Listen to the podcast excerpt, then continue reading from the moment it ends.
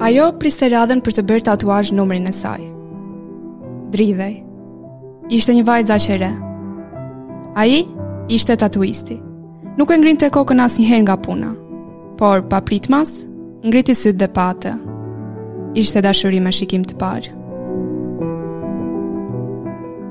Përshëndetje, unë Petrina. Përshëndetje nga unë Era. Ju po ndiqni episodin e radhës të podcastit tonë Read the Book. Në këtë episod do të ndiqni prezantimin e një tjetër libri, Tatuisti i Auschwitzit.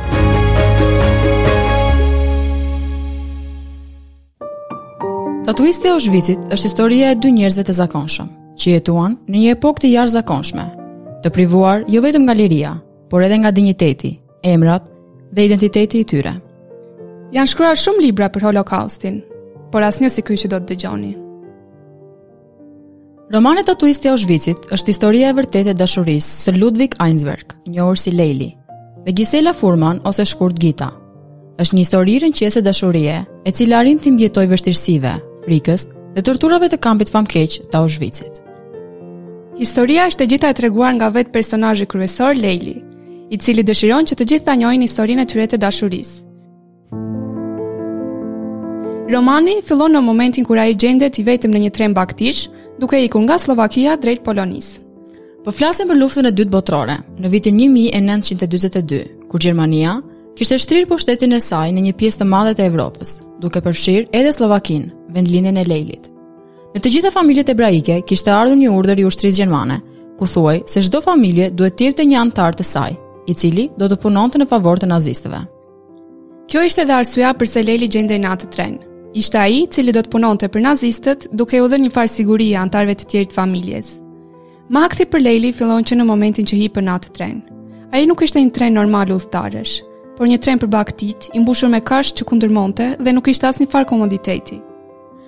Leili, që vinte nga një familje hebraike, ishte mjaft inteligjent dhe i zoti.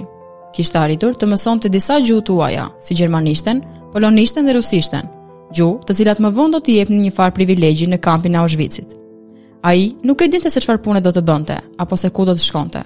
Udhëtimi për të ishte mjaft i vështirë dhe i lodhshëm, por ai ishte mjaft optimist dhe kurrë nuk i humbi shpresat. Momenti i arritjes së tij në kamp ishte edhe më i vështirë. Ushtarët gjermanë i trajtonin mizorisht. U morën të gjitha sendet personale dhe veshjet e tyre. Një goditje akoma më e madhe për Leilin ishte të shikonte të flakur librat që i kishte dhënë e ëma me vete. Të gjithë të burgosurve të sapoardhur iu bënë dush me ujë të ftohtë, iu qethën flokët dhe u dhanë të gjithëve të njëjtat uniforma. Goditja e radhës për Lelin erdhi në momentin kur atij i mohohet e drejta e identitetit. Të gjithë të burgosurit damkosen me nga një numër të bërë tatuazh në parakrah. Tani, ata nuk kanë më emra, por janë vetëm disa kombinime numrash. Të nesërmen e arritjes në kamp, pasi ndahen detyrat, Leli fillon të punojë në ndërtim. Nuk kishte shumë njohuri në atë fushë, por mësonte shpejt. Falë aftësive dhe zgjuarsisë së tij, ai arriti që nga një punë e lodhshme në ndërtim, në kushte mjaft të vështira dhe ushqim shumë të pakët, të punojë si ndihmësi i tatuistit të kampit, Pepanit. Detyra e tij e re si ndihmës tatuist nuk do të zgjasë shumë, pasi Pepani zhduket. Dhe tani, detyra e tatuistit i ngelet atij. Kështu, tani ai kishte një punë deri diku jo shumë të lodhshme dhe me të cilën ushqehej mjaft mirë. Leli ishte një djalë me shpirt të pastër dhe e diti ta menaxhonte shumë mirë detyrën e vet. Duke e ditur se shokët e bllokut të tij punonin në punë shumë të vështira dhe ushqeheshin keq, Leli ndante racionin e vet të ushqimit me të burgosurit e tjerë. Një prej tyre, Leonin, e mori si ndihmës tatuist, pasi në kamp po vinin çdo ditë më shumë të burgosur. Në kampin e Lelit të burgosurit ishin vetëm burra, por një ditë në kamp vjen një kamion me gra. Në fillim, Leli nuk pranon të bëjë detyrën e vet, pasi e di që procesi i tatuazhit ishte shumë i dhimbshëm dhe nuk dëshironte t'u shkaktonte dhimbje grave. Por në fund, duke mos pasur asnjë rrugë tjetër, ai vazhdon detyrën. Leli fillon punën dhe përpiqet të mbajë sytë ulur. Zgjat dorën për të marrë copën e letrës që i japin. Pesë shifrat e shkruara në të cilën duhet t'i shënojë në krahun e vajzës që mban atë letër. Radha për të bërë tatuazhin është e vajzës që mban numrin 34902. Leli asnjëherë nuk i shikonte të burgosurit, por kësaj radhe ngriti kokën dhe pa sytë e saj. U përpoq që t'i jepte një buzëqeshje dhe në këmbim mori një buzëqeshje të vakët.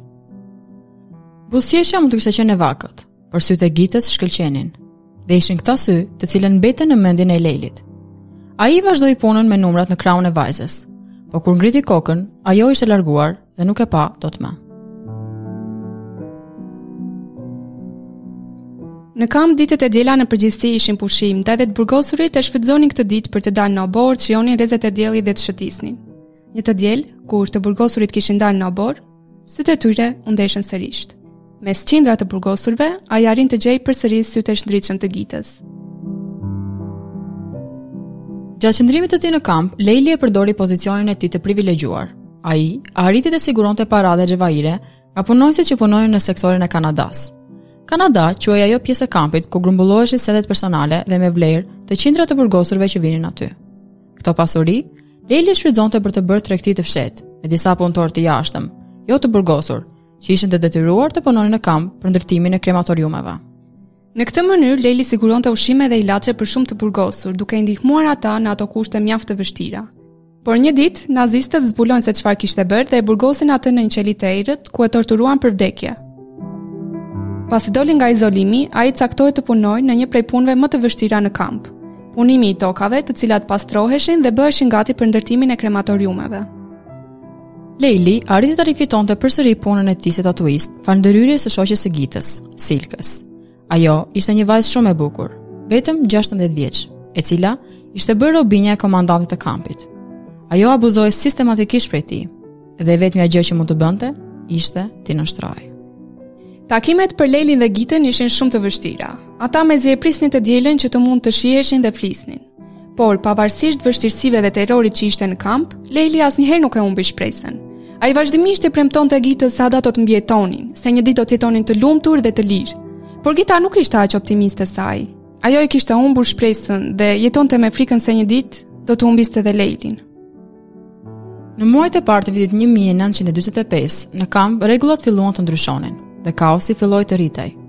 Nëpër kamp qarkullonin fjalë se lufta po përfundonte dhe se rusët do të çlironin kampin. Por nazistët vazhdonin masakrat e tyre, edhe pse situata ishte në disfavor për ta. Çdo ditë, ata vazhdonin të digjnin trupa njerëzish në krematoriume, të vrisnin e të torturonin qindra të tjerë. Më në fund në kamp zbarkojnë rusët. Shumë të burgosur arratisen. Një ndër ta ishte edhe Leili. Kurse Gita, ajo ishte me shumë gra të tjera të cilat u larguan duke gjetur strehë në fshatrat më të afërt.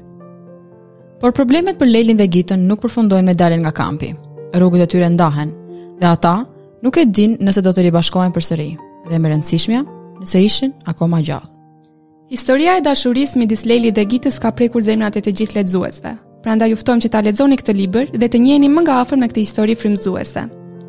Nëse doni të dini vazhdimin e historisë së Lelit dhe Gitës, ka vetëm një mënyrë për ta zbuluar, dhe ajo është nëpërmjet leximit të këtij libri. Dhe vlerësimi për këtë libër është është padyshim 10 nga 10. sepse është një histori aq emocionuese sa të bën të përlotesh. Dhe mos harroni, read the book.